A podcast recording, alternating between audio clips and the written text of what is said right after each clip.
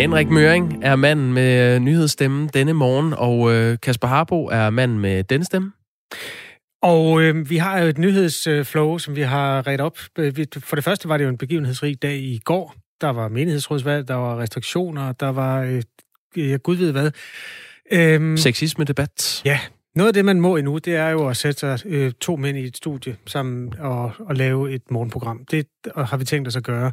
Med alle de øh, forsigtighedsforanstaltninger, der nu hører til i forhold til både den ene og den anden debat. Og den stemme, du hører her, hedder Jakob Grosen, skal jeg lige sige for en god og ordens skyld. Og øh, det skal selvfølgelig handle om øh, de her nye restriktioner, der er blevet lagt ned over øh, 17 kommuner i hovedstadsområdet. Blandt andet det her med, at øh, alle barer, caféer og restauranter skal lukke kl. 22 fra med i morgen og to uger frem. Men det skal også handle om øh, den her lille fætter. Det er jo verdens bedste lyd, det her, Kasper. Det er en dansk øh, eksportsucces. Hvis der er noget, vi kan lide, så er det det. Ja, særligt disse tider. Ja. Det er solsorten. Ja, øhm, og det er jo i en tid, hvor vi lærer at forbande de invasive arter, der kommer til Danmark. Den her, den kommer fra Danmark, og den giver bare problemer andre steder. Det er utroligt, man kan have noget, der synger så smukt, men det kan man godt, fordi den øh, kommer med forkerte planter, og den kommer med en adfærd, de ikke er klar til. Så på den måde er det øh, payback time, kan man sige, i det store økosystem. Danmark sender en invasiv fætter ved navn Solsorten ud i verden. Og øh, slagsiden ved den historie skal vi høre om mm, 20 minutter. Ja, så skal vi øh, lidt over, ah, det bliver 20 minutter over syv, øh, køre videre med sexisme-debatten, som jo lige nu øh, kører et højt gear, øh, efter at tv-vært Sofie Linde råbte op øh, på øh, scenen til Zulu Comedy Gala om øh, en oplevelse, hun har haft i mediebranchen. Nu har øh, debatten jo så også rykket sig til de danske politikere. Jeppe Kofod, vores øh, udenrigsminister her i Danmark, og øh, den sag, han var involveret i for 12 år siden, hvor han som 34-årig havde sex med en 15-årig. Og øhm, debatten går jo på, om det bør få konsekvenser for ham. Det mener både Radikale og Alternativet, og vi skal tale med Josefine Fock, Alternativets leder, om hvor øh, grænsen går. Det glæder jeg mig til. Det er 20 minutter over syv. Og det her radioprogram består jo også af det løse. Der er nogle historier, som vi ikke endnu har fået kød på, men det kan være, at vi får det hen ad vejen. Der er historien om, at Søren Brostrøm er kommet på en form for udvalgt hold i forhold til sundhed. Det svarer nok lidt til at komme på øh, landsholdet, tror jeg. I, han, skal, altså, han er nomineret som en bestyrelseskandidat hos WHO. Mm. Vi har vidst hele tiden, at han kan noget. Øhm, det har de så også opdaget. Han har jo også rettet ind i forhold til deres holdning til mundbind og så videre. Der er stor politik i de mundbind der, og den kan simpelthen ikke undgå at blive aktuel i den her øh, dag også. Øh, Messi har tjent en milliard, Magnus Kort har fået corona, og nå ja, der var menighedsrådsvalg i går. Det, ja, og lad os da tage den. Godmorgen. Jeg har ligget søvnløs over uvidsheden om, hvorvidt Kasper fik stemt til menighedsrådet. Kan I give mig ro i sjælen, er der en lytter, der skriver? Der er den korte og den lange. Okay, gem den lange. Ja. Giv mig den korte. Nej. Eller ikke, altså. Nej. Fortæl. Nej. Øh, jeg vil gerne jeg, jeg kunne godt, men jeg kunne simpelthen ikke. Og jeg skal nok fortælle, hvorfor om mm, lidt senere. Men øh, lad os øh, lægge ud med øh, de nye restriktioner i hovedstadsområdet. Det er jo øh, nattelivet og fodboldstadions, der, øh, der særligt øh, bliver ramt af, af det her øh, de nye tiltag. De blev præsenteret af sundhedsminister øh, Magnus Heunicke i går på et pressemøde, og øh, de går udelukkende ud over kommunerne i og omkring København. Det er 17 kommuner, der øh, bliver ramt af det. Det er øh, fra i morgen og to uger frem, altså at bar og caféer og restauranter skal lukke kl. 22. Og samtidig skal alle ansatte og gæster bære mundbind, når de står op i caféen eller i baren. Men man må godt tage det af, når man sidder ned. Vi indfører et krav om brug af mundbind eller visir på restauranter, barer, caféer og lignende serveringssteder. Kravet gælder ikke, når man sidder ned, men kravet er, fordi der er behov for, at gæsterne holder bedre afstand til hinanden, og det er lettere at håndhæve, når man sidder ned. Det vil sige, man kan altså ikke stå op og drikke sin øl på en bar, man er nødt til at have en sideplads for at kunne tage mundbindet af. Det rejser en hel masse spørgsmål. Christian Hegård, der er retsordfører hos Radikale Venstre og bundet til en kørestol, han øh, rejste det store spørgsmål på Twitter. Hvad med mig? Underforstået, han sidder jo ned hele tiden. Ja, men så må han vel egentlig godt øh, flyve under radaren. Det er nemlig det. Og hvis du skal ud og tisse, så kan du øh, sætte dig ned ude på toilettet. Altså, du skal jo have mundbind på, når du rejser dig, gå ud på toilettet, men så kan du tage det af derude. Der er nogen, der har opdaget det der med, at man kan sætte sig ned, når man tisser allerede for mange millioner år siden. Ja, jamen, okay. Nå, politiet vil holde øje med såkaldte hotspots, hvor der normalt er mange unge samlet. Det var en anden oplysning, som Magnus Heunicke han kom med på pressemødet i går. Et af de steder, hvor det også kommer til at få stor betydning, det her, er på Superliga fodboldstadions, fordi der må kun være 500 tilskuere de næste 14 dage, hvor restriktionerne indtil videre øh, gælder. Og øh, det kommer til at ramme blandt andet det helt store øh, københavnske lokale derby FCK mod Brøndby, og også øh, en øh, anden Superliga-kamp, Brøndby mod Horsens. Fra den 17. september vil der kun kunne være 500 personer fysisk til stede på stadion. Og FC København har allerede søgt om øh, at få udsat kampen mod Brøndby, for det er jo både kommercielt og også sådan folkloristisk og i det hele taget i forhold til identiteten omkring det københavnske fodboldliv en kæmpe begivenhed, som man synes er lidt ærgerligt skal holdes med 500 tilskuere. Og det har de fået afslag på. Er det rigtigt? Ja, det Nå. fik de i går aftes. Så det kommer til at køre med 500 tilskuere. Klokken lidt over syv skal vi tale med Claus Thomsen, der er direktør i Divisionsforeningen, som jo altså øh, organiserer de danske klubber. Han er fuldstændig uforstående overfor de her nye restriktioner. Ja, jamen øh, lad os bare sige godmorgen og velkommen til Radio 4 Morgen. Det er altså en øh, morgen med Kasper Harbo og Jakob Brosen her i øh, studiet og Henrik Møring ved Nyhedsrådet. Og vi lægger ud med historien om øh, de københavnske bar, der altså skal lukke kl. 22 øh, fra med i morgen. Det er en af restriktionerne, som blev øh, præsenteret i går, og som øh, ja, selvfølgelig gælder to uger frem. Som følge af de nye regler har The Old Irish Pub lukket fire ud af deres fem bar i øh, Københavnsområdet. Godmorgen til dig, Peter Black. Godmorgen. Godmorgen. Direktør i The Old Irish Pub.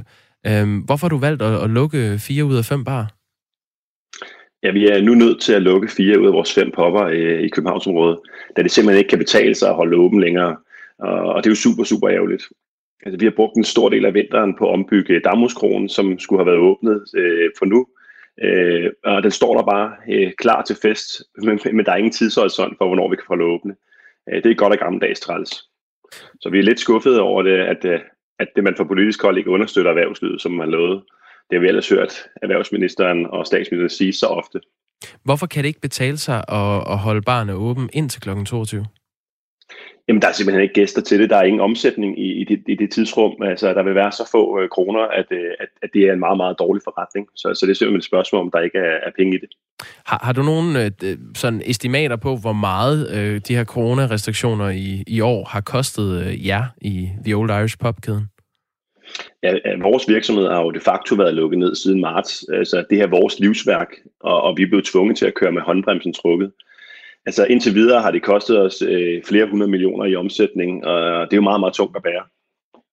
Jeg kommer lige med lidt fakta om øh, smittetallene. Der blev i går registreret 334 nye smittede i Danmark, og 74 af dem var i Københavns Kommune. Det vil sige, at vi har et kontakttal på 1,5, og det betyder altså, for hver gang der er 10 smittede borgere, så smitter de 15 nye.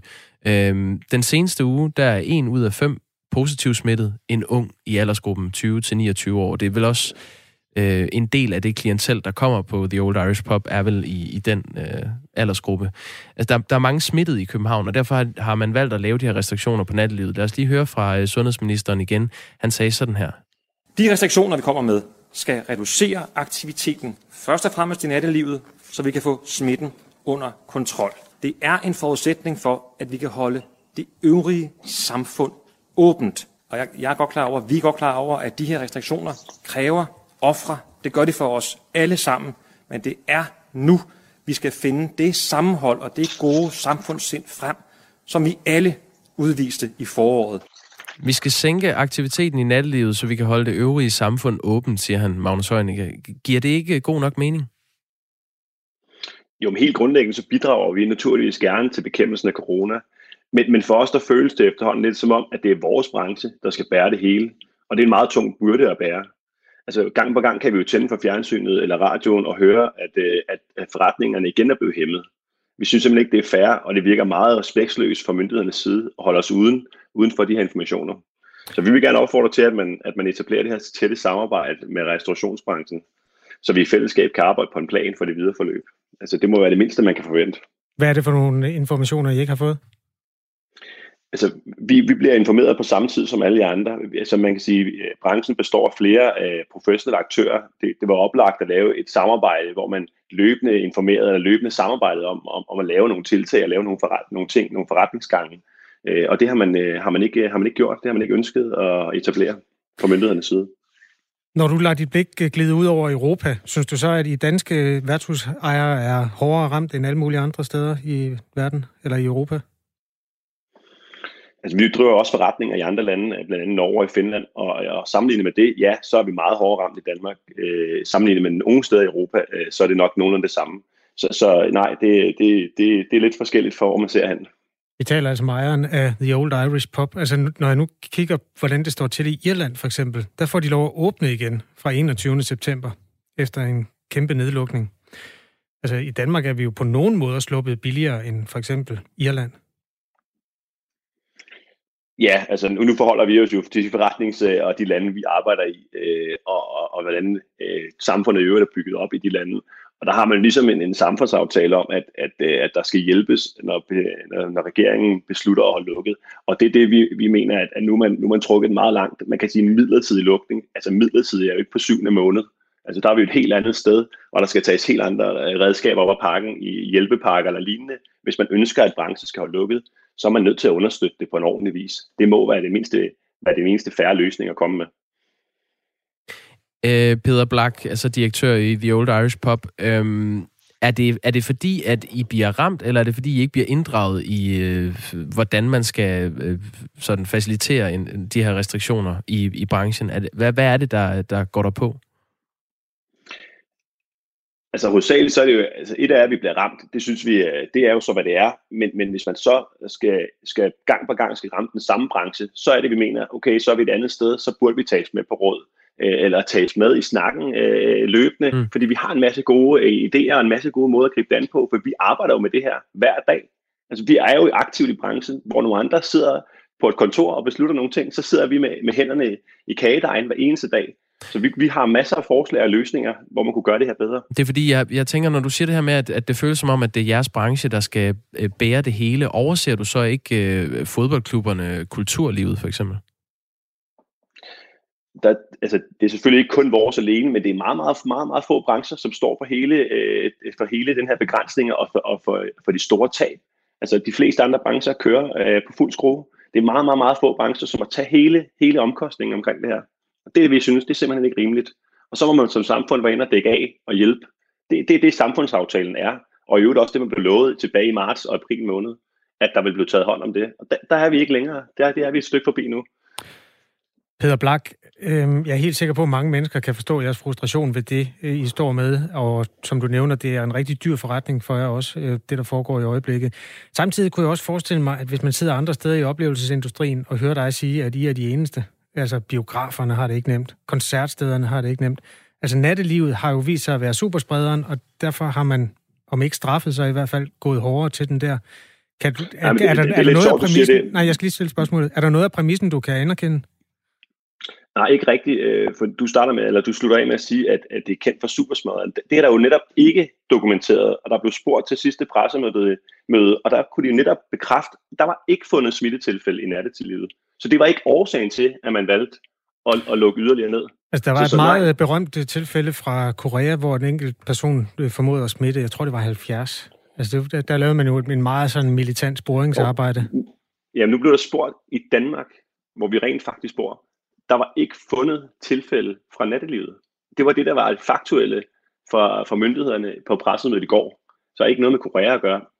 Men i Danmark, nej, der har nattelivet ikke været årsag til de her smitteopspor, eller smittetilfælde. Der nævnes private fester. Kan man tale om en form for overlap i den måde, man er sammen på imellem private fester og så værtshuslivet? Ja, det er jo netop det, vi, vi appellerer for os i vores øh, forretninger i, i nattelivet og i de professionelle aktører. Der er jo styr på tingene, hvilket der jo netop ikke er øh, i de private arrangementer og i øh, piratfester og andet, som vi klart estimerer vil, vil, vil, øh, vil øges nu, det er, jo, det er jo klart, når man ikke kan få lov at komme ud på øh, autoriseret ordentlig vis, så vil folk jo finde andre, andre veje, og det vil jo blive øh, privatfester og, og andre intimistiske opståede ting og sager, eller i lagerhaller og andet. Hos os, der, der er der styr på tingene, og det er derfor, vi sammen med de andre professionelle aktører undrer os meget over, at man vælger at slå ned her, hvor der rent faktisk er ordentlighed og ordentlige tingene. Peter Black, direktør i The Old Irish Pub, som altså har lukket øh, fire ud af fem øh, barer i Københavnsområdet midlertidigt. Øh, tak fordi du var med. Tak.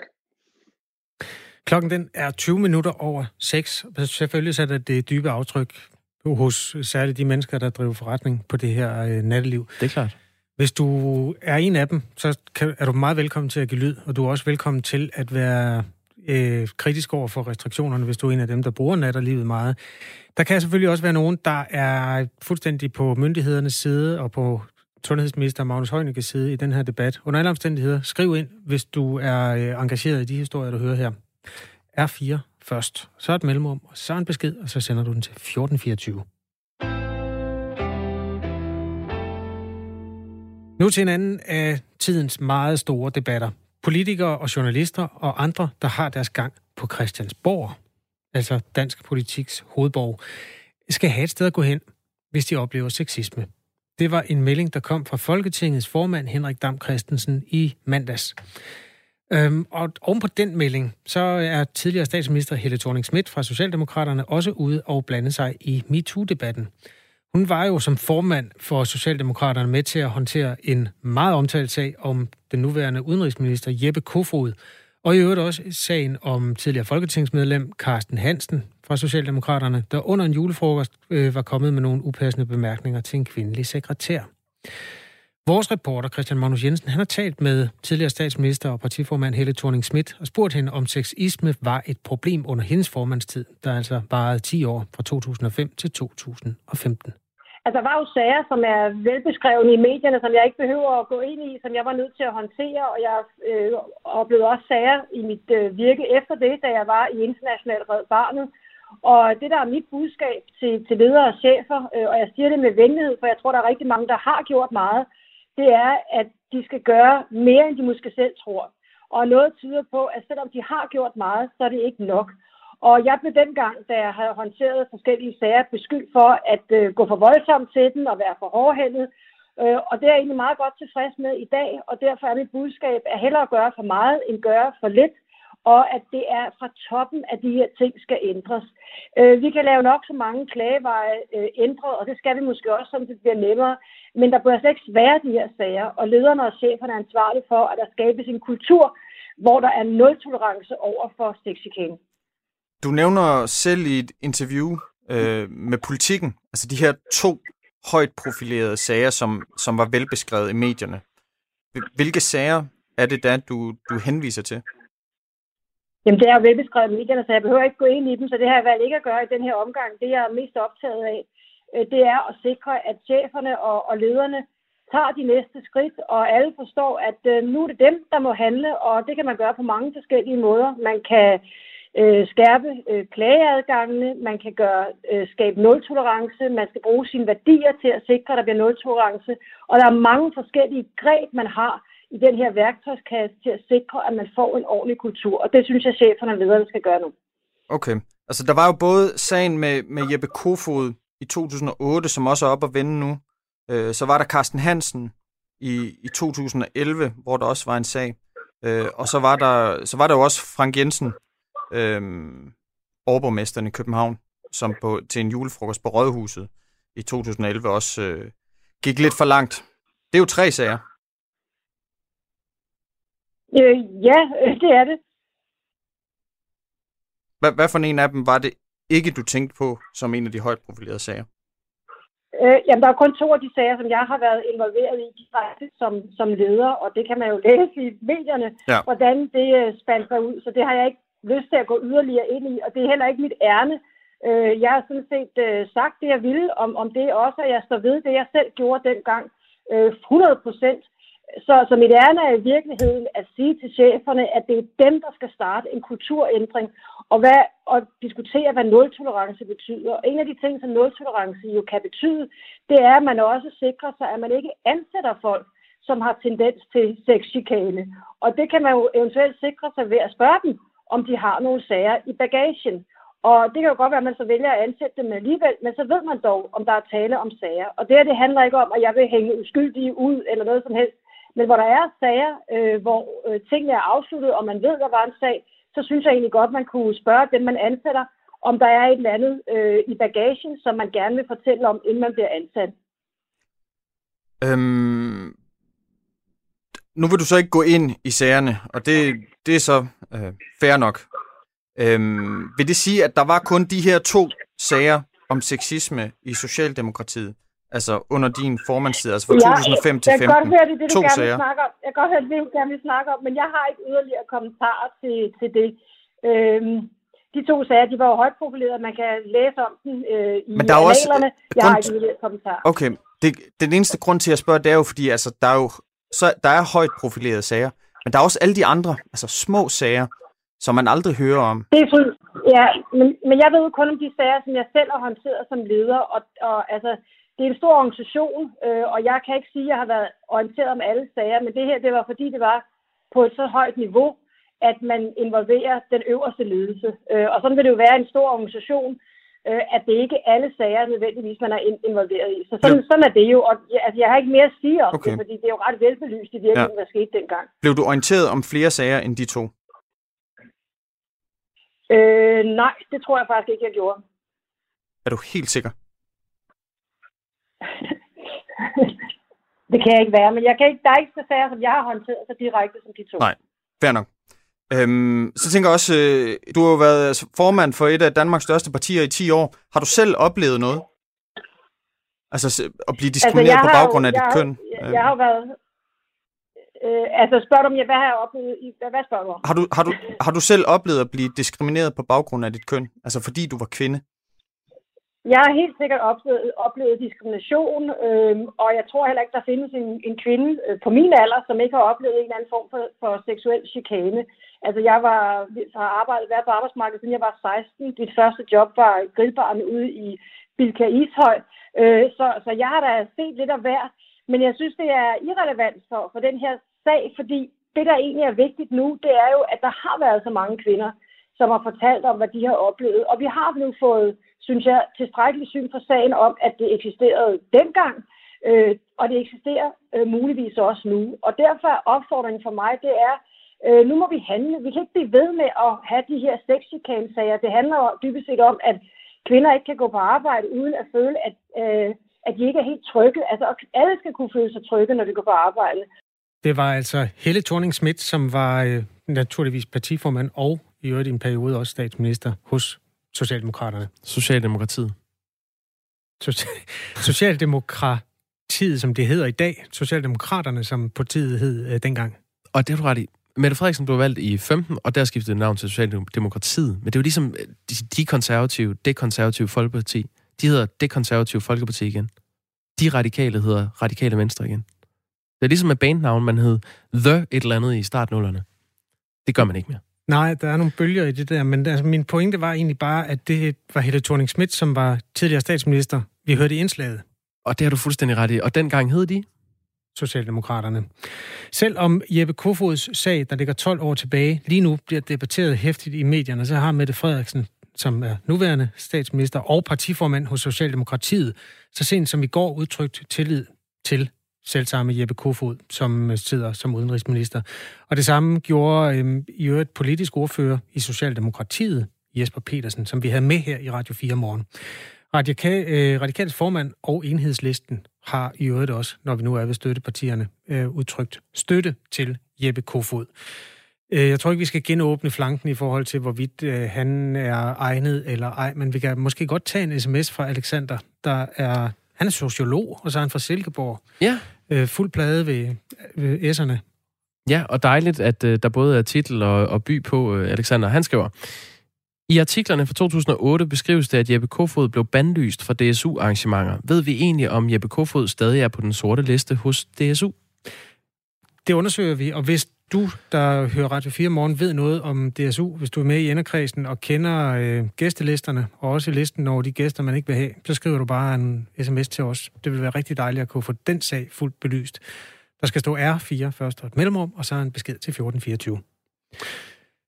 Skal vi nå øh, mere sms, eller skal vi gemme dem? Ja, kan vi nå? Vi kan lige nå masses. Øh, det er jo øh, personligt for mig en meget spændende sag, hvis man nu ikke kan gå. Læs i princippet. Nu sidder man evigt ned. Reelt er det så... Ej, det, det, det, det Mads, den, den forstår jeg simpelthen ikke, den der. Det handler om mundbind, grusen. Det er, Nå, det er en helt anden kamp. historie. Okay, det er det. Ja, den tager vi, vi rydder lige op i sagen efter nyhederne. Klokken er halv syv.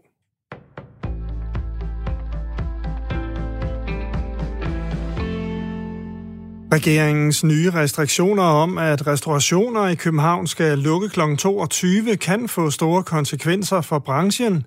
Det siger blandt andre Peter Black, direktør i The Old Irish Pub, som må, som må lukke fire ud af fem af deres barer i hovedstaden. Jamen, der er simpelthen ikke gæster til det. Der er ingen omsætning i, i, det, i det tidsrum. Altså, der vil være så få øh, kroner, at, øh, at, at det er en meget, meget dårlig forretning. Så, så det er simpelthen et spørgsmål, om der ikke er, er penge i det. Fra i morgen skal barer, caféer og restauranter i 17 hovedstadskommuner lukke og slukke kl. 22. Det er en af restriktionerne, som blev præsenteret i går, efter der den seneste tid har været et stigende smittetal. Der er umiddelbart ikke nye hjælpepakker på vej til branchen. Det sagde Socialdemokratiets sundhedsordfører Rasmus Horn Langhoff til TV2 i aftes. Så vi er lidt skuffede over det, at, øh, at det man fra politisk hold ikke understøtter erhvervslivet, som man lovede. Det har vi ellers hørt erhvervsministeren og statsministeren sige så ofte. De unge vil i gymnasiet, og derfor er det bedre til rette tilrettelægge uddannelsen, så studenterhuen kan blive en vej ind i erhvervsskolerne. Det mener de to store organisationer, Dansk Industri og Dansk Metal, skriver Jyllandsposten. Anne Philipsen fortæller. Gymnasiet er ment som adgangsbilletten til en videregående uddannelse. Men to år efter gymnasiet, der har 28 procent af en studenterårgang ikke brugt deres eksamen til at søge videre. Det viser tal fra Dansk Industri. Det svarer til godt 12.000 unge, og nogle af dem de skal gelejtes ind på de tekniske erhvervsuddannelser, mener de to organisationer. Det skal ske ved, at gymnasiet også bliver forberedende til en erhvervsuddannelse, blandt andet ved, at man opretter nye studieretninger, der har mere praktisk orienteret fag. Stadig flere kvinder bruger hormonprævention som p-piller og hormonspiral. Andelen af kvinder mellem 15 til 49 år, som bruger en eller anden form for hormonprævention, er steget fra 35 procent i 2010 til 40 procent i 2019. Det viser nye tal fra Lægemiddelstatistikregistret, skriver Kristeligt Dagblad. Stigningen er sket samtidig med, at man har fået større viden om hormonpræventionens risici og bivirkninger – for eksempel en stærkt øget risiko for depression hos unge kvinder. Det siger overlæge på Rigshospitalet og professor ved Københavns Universitet, Øjvind Lidegaard, som har udarbejdet den aktuelle opgørelse. Jeg kan ikke tolke stigningen på anden måde, end at kvinder generelt føler, at gevinsten er større end de risici, vi ved, der er forbundet med det. Et israelsk fly har tidligt i morges indledt et raketangreb i Gaza, skriver Reuters. Ifølge vidner er en træningsbase, der er ledet af den militante gruppe Hamas, blevet, angre- eller blevet ramt i angrebet. Kort inden var der et raketangreb fra Gaza ind over Israel, som sårede mindst to. Angrebene sker ikke engang et døgn efter, at Israel underskrev aftaler om diplomatiske forbindelser med de forenede arabiske emirater og Bahrain – med aftalerne anerkender de to golfstater den jødiske stat. 14 personer, der i går morges blev anholdt for at have deltaget i et slagsmål mellem to store grupper på Vesterbro i forbindelse med en fodboldkamp mellem FC København og Brøndby IF 12. juli, er alle blevet varetægtsfængslet. Det sker efter et grundlovsforhør, der sluttede kort før midnat. De er fængslet i 13 dage. Politiet slog til tidligt i går på en række adresser i hovedstadsområdet. Her blev de mange fodboldfans, der er i alderen fra 18 til 35 år anholdt. Mest tørt og skyde fra sidst på formiddagen begynder det at klare op med en del sol. 16-22 grader og lidt til frisk vind omkring nordvest.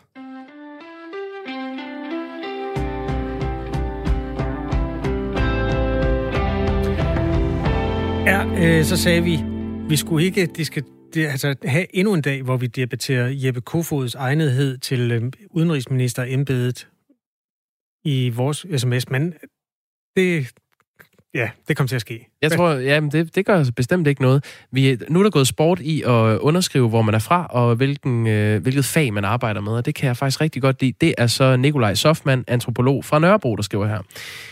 Lige så vigtigt som øh, om Jeppe Kofod er velkommen i DSU, så er spørgsmålet, om den unge kvinde, Jeppe Kofod gik i seng med, stadig føler sig velkommen i DSU eller i Socialdemokratiet, eller om hun blev chikaneret på samme måde, som Monika Lewinsky blev det. Det er bestemt vigtigt. En, en anden lytter har skrevet, som tidligere medlem af DSU faktisk. Øh, jeg var medlem af DSU for fem år siden. Der var Jeppe Kofod ikke velkommen til nogen arrangementer. Det var heller ikke populært at nævne hans navn. I stedet blev der altid inviteret en meget ordentlig og professionel Jens Jol. Sådan, Jens Jol. Jamen, en anmeldelse af ham øh, er på sin plads, og øh, ja, jeg ved ikke, om vi skal videre ned ad den sti nu. Nej, men vi kommer til at... Øh... Jo, ved du hvad? Det gør vi sgu. Godt. Mette Frederiksen har jo faktisk været ude at sige noget nu om øh, den debat. Hun var ude at frede Jeppe Kofod i går. Øh, hun sagde øh, sådan her til TV2. Jeg har tillid øh, til de minister, der er udpeget i, øh, i Danmark, og jeg synes, det er vigtigt i forhold til den konkrete sag at sige, at øh, Jeppe Kofod både har undskyldt og beklaget, og i øvrigt har gjort det for mange år siden. Jeg synes, det er, er vigtigt, at hvis man øh, begår en alvorlig fejl, som det her er et udtryk for, øh, at man så undskylder og beklager, øh, og selv lægger afstand til det, der måtte, øh, der måtte være sket.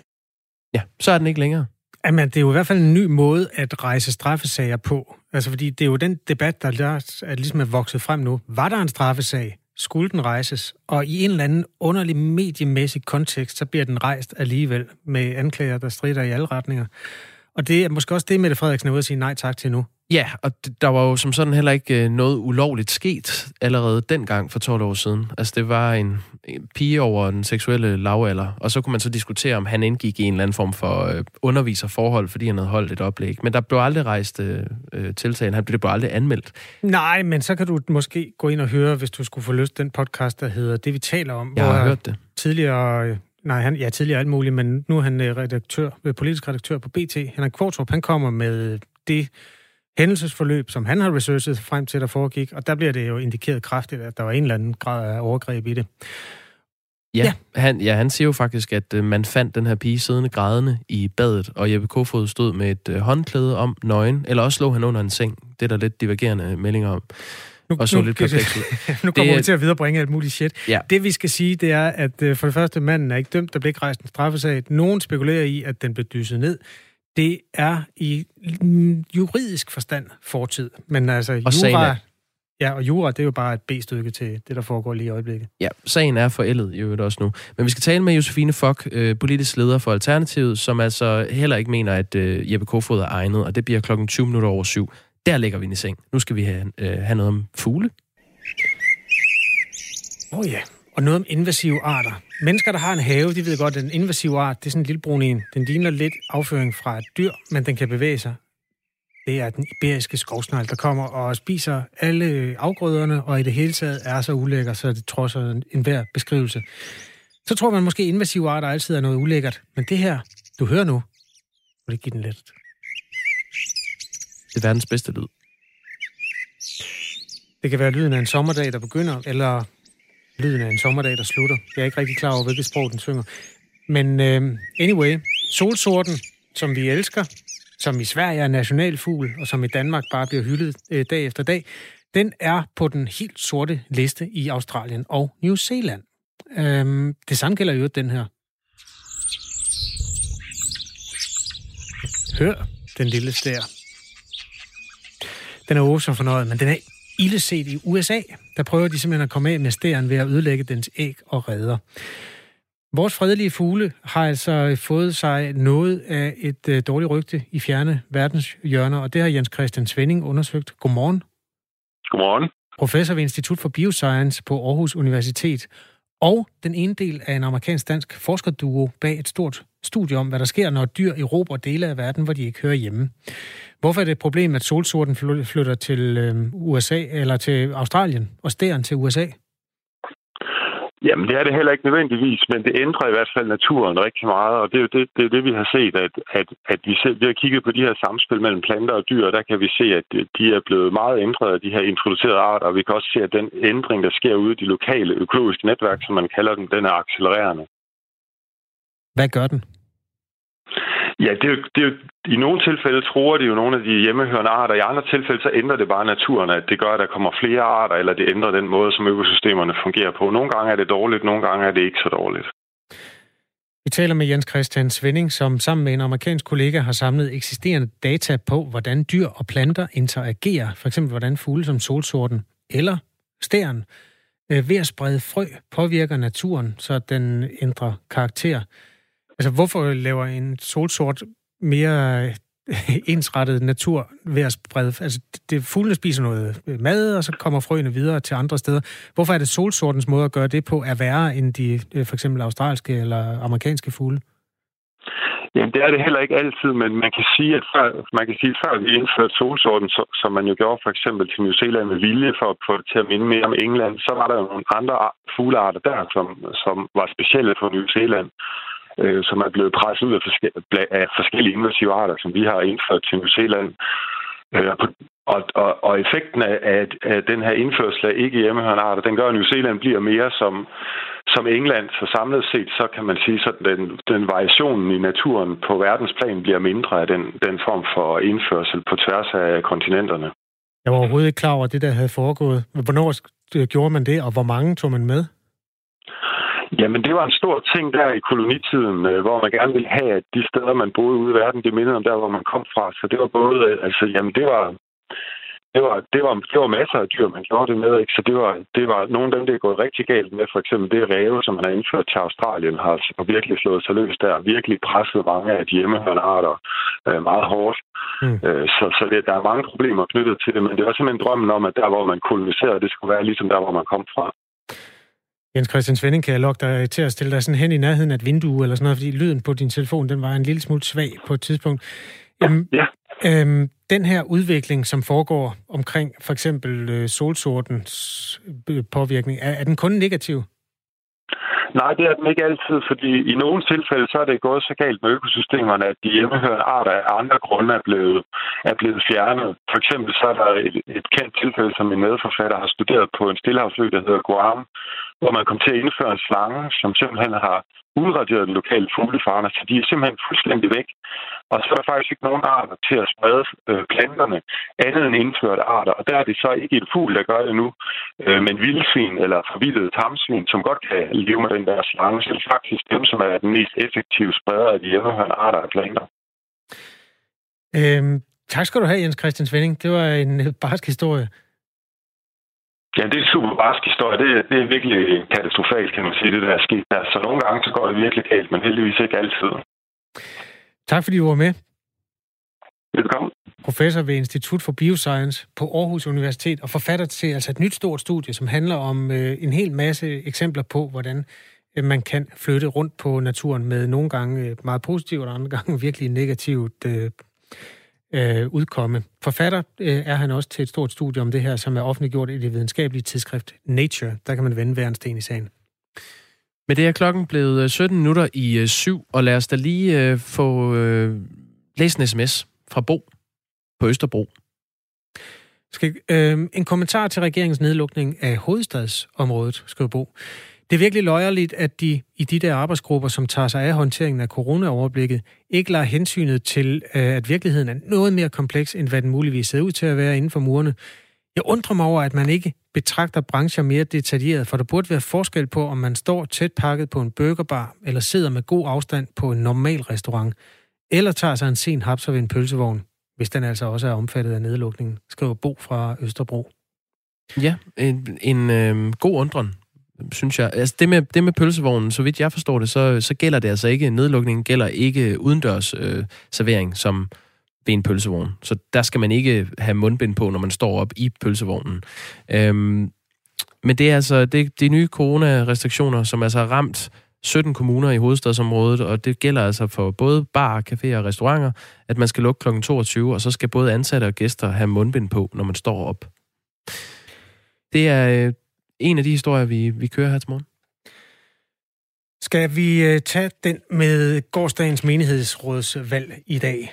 Øhm, altså, der, der var menighedsrådsvalg i går, og øhm, vi talte om det i radioen, både med hinanden og for så vidt også med nogle af de øh, valgkredse, som havde noget på spil i det her.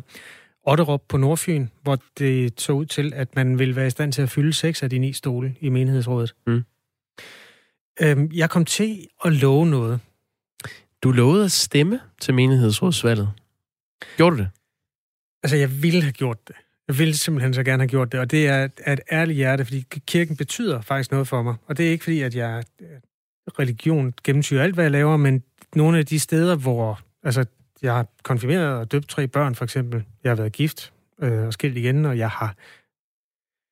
Øh, altså, i min alder kommer man også til en, en del begravelser, og det er måske noget af det, hvor man bliver, kommer rigtig tæt på andre mennesker.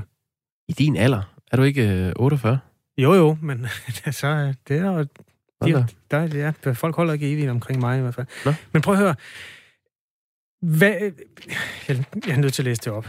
Altså, jeg sidder med invitationen til øh, valgforsamling i mit lokale øh, menighedsrådsvalg. Øh, og det var så øh, foregik i det stedlige forsamlingshus. Og det begyndte i går kl. 19. Der står ikke, hvornår det sluttede, men der er 13 punkter. Man begynder med en... Altså, du har selv været til øh, folketingsvalg gang på gang, og ja. andre politiske valg. Der suser man ind, man står i kø i 6 minutter, får en seddel, ind i boksen, ud igen. Mm. Godt. Øh, menighedsrådsvalget, der hvor jeg bor, 13 punkter. Velkomst ved formanden for valgbestyrelsen, det er punkt 1. Så skulle man vælge en dirigent.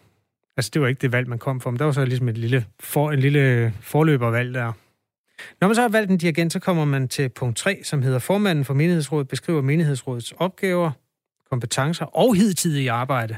Og eftersom Folkekirken er en gammel historie, så kunne man forestille sig, at punkt 3 vil blive langt. Jeg forestiller mig, det, da du læser, hvad punkt 3 er, at du tænker, det, det kan jeg ikke nå. Ja, allerede der tænkte jeg, det kan jeg ikke nå. Øhm, punkt 4. Ja. Opstilling af kandidater. Mm. Det ville nogen have sagt, det var fedt, hvis de havde klaret det inden, men det var punkt 4.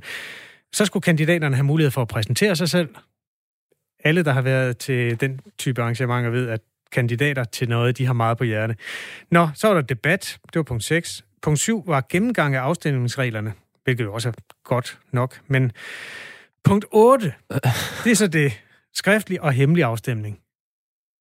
Du lovede mig, at der var en online. Det står der altså ikke noget om. Nej, men jeg, jeg undrer mig igennem hele det her. Jeg, jeg kan også se det stykke øh, papyrus, du sidder med. Det ligner jo noget fra 1924.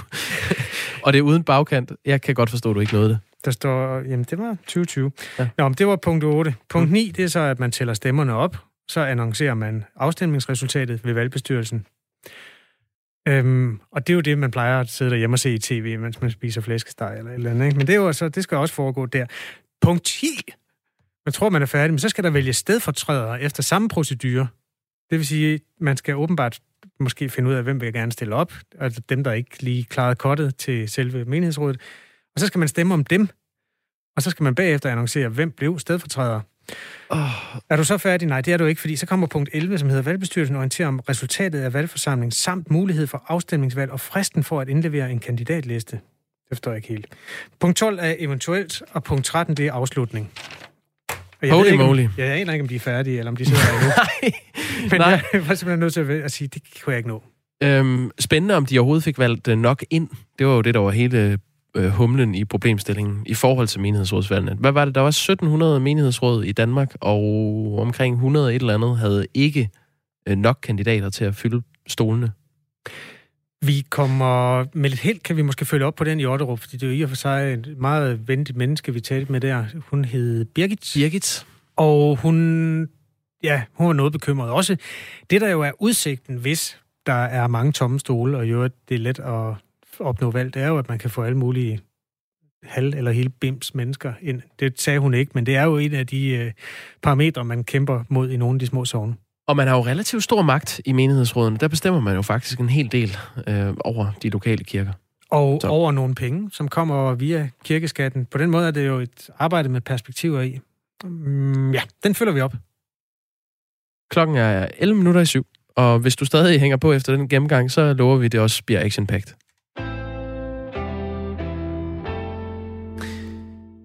Der er i øh, disse dage gået fem år siden øh, flygtninge- og migrantkrisen øh, kulminerede i 2015, da Ungarn byggede et hegn på EU's ydre grænse. Men siden da har EU med Ungarn i spidsen investeret millioner af euro i ny grænseteknologi, så droner og robotter kan beskytte Europas grænser i fremtiden. Så er spørgsmålet så, hvor går grænsen for teknologien? Og det kan du være med til at belyse, Lasse Skødt. Du er journalist, og du er med i Radio 4 morgen. Godmorgen. Ja, godmorgen. Ja, godmorgen. Du har besøgt det her berømte grænsehegn i, øh, i Ungarn øhm, for et par dage siden. Hvad, hvad, hvad oplevede du der?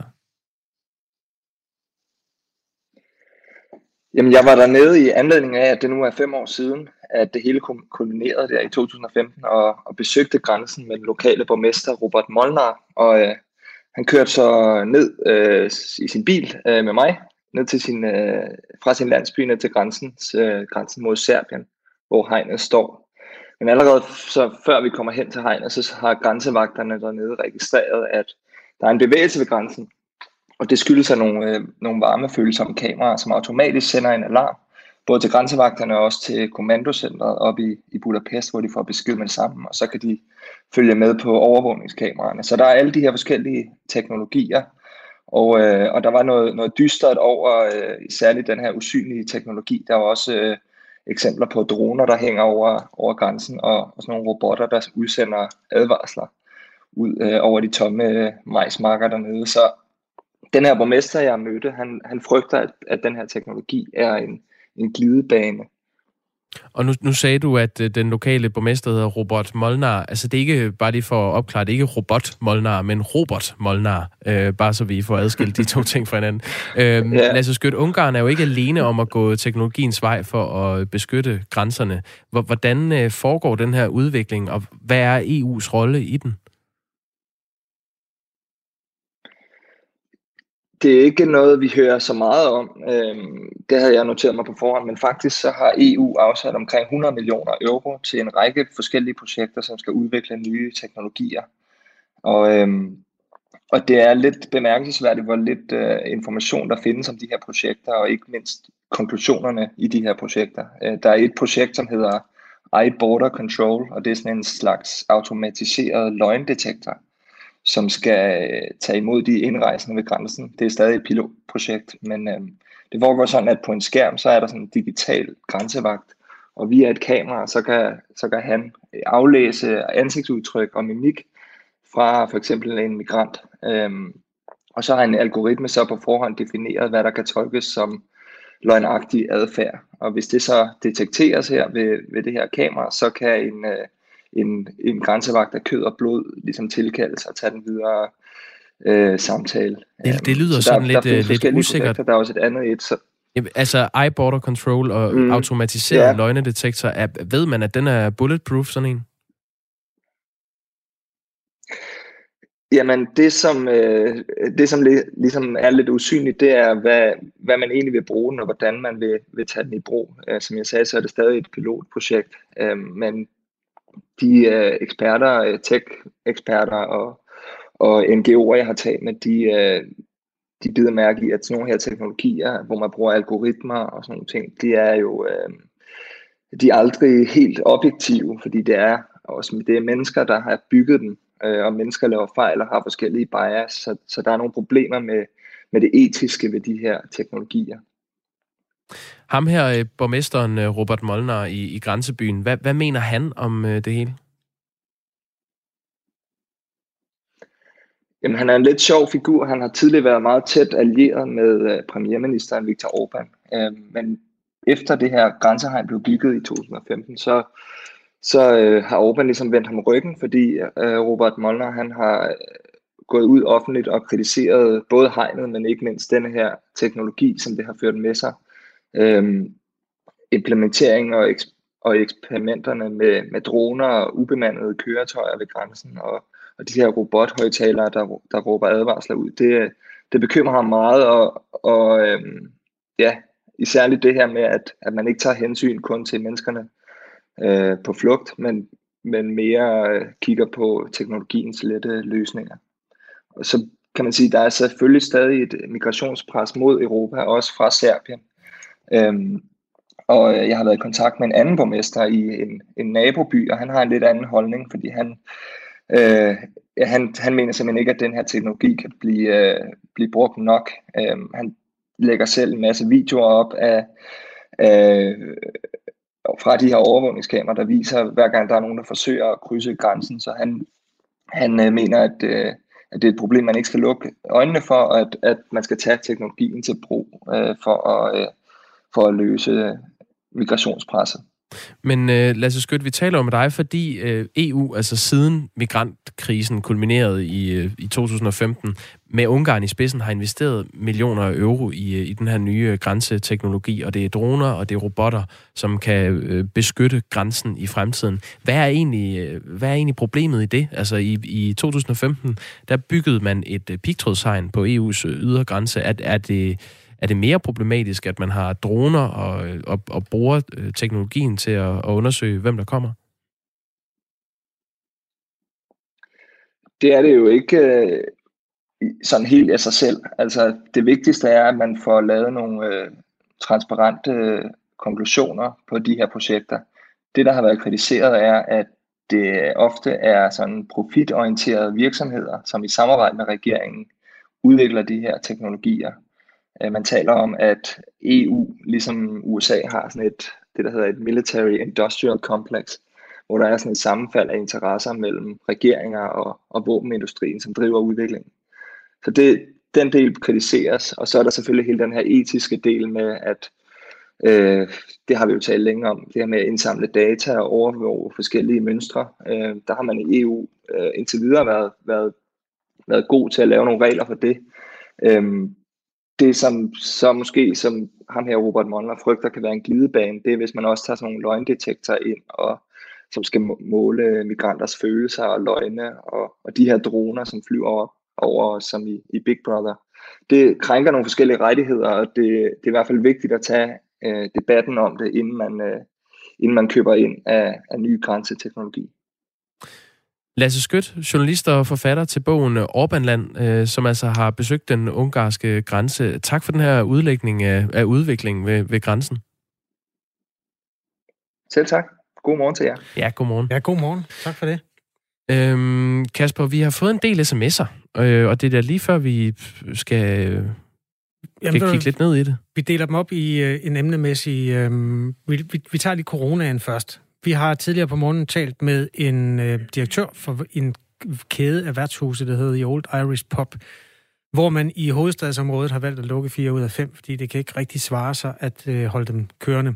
Der var nogle øh, skarpe skud mod myndighederne og det politiske system. Man føler sig ikke inddraget nok, og man synes jo at også, der bliver lukket for hårdt ned.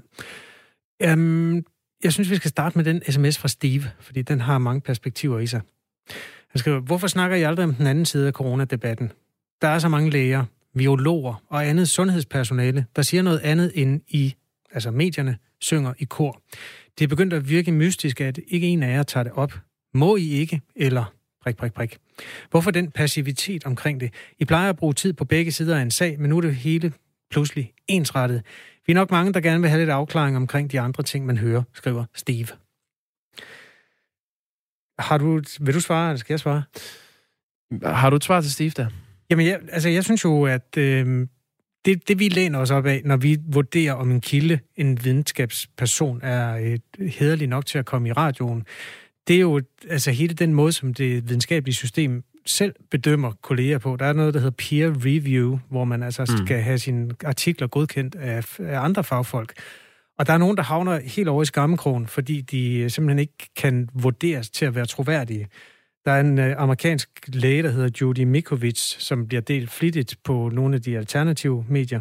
Hun er anti og hun er dømt videnskabeligt uredelig ved flere lejligheder. Hun har været undersøgt i en politisag og alt muligt. Hun har sit rygte imod sig, men hun har også nogle budskaber, som hun er god til at formidle, og hun går relativt klart igennem i forhold til, at corona er pumpet op, hvor det ikke hører hjemme. Og i øvrigt er hun fuld af mistillid til amerikanske sundhedsmyndigheder og også Bill Gates.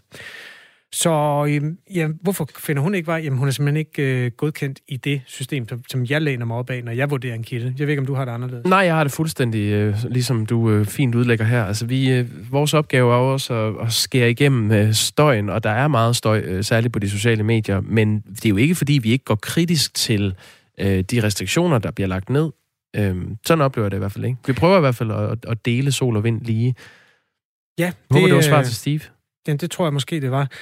Øhm, der er jo masser af mennesker, som ytrer sig om det her.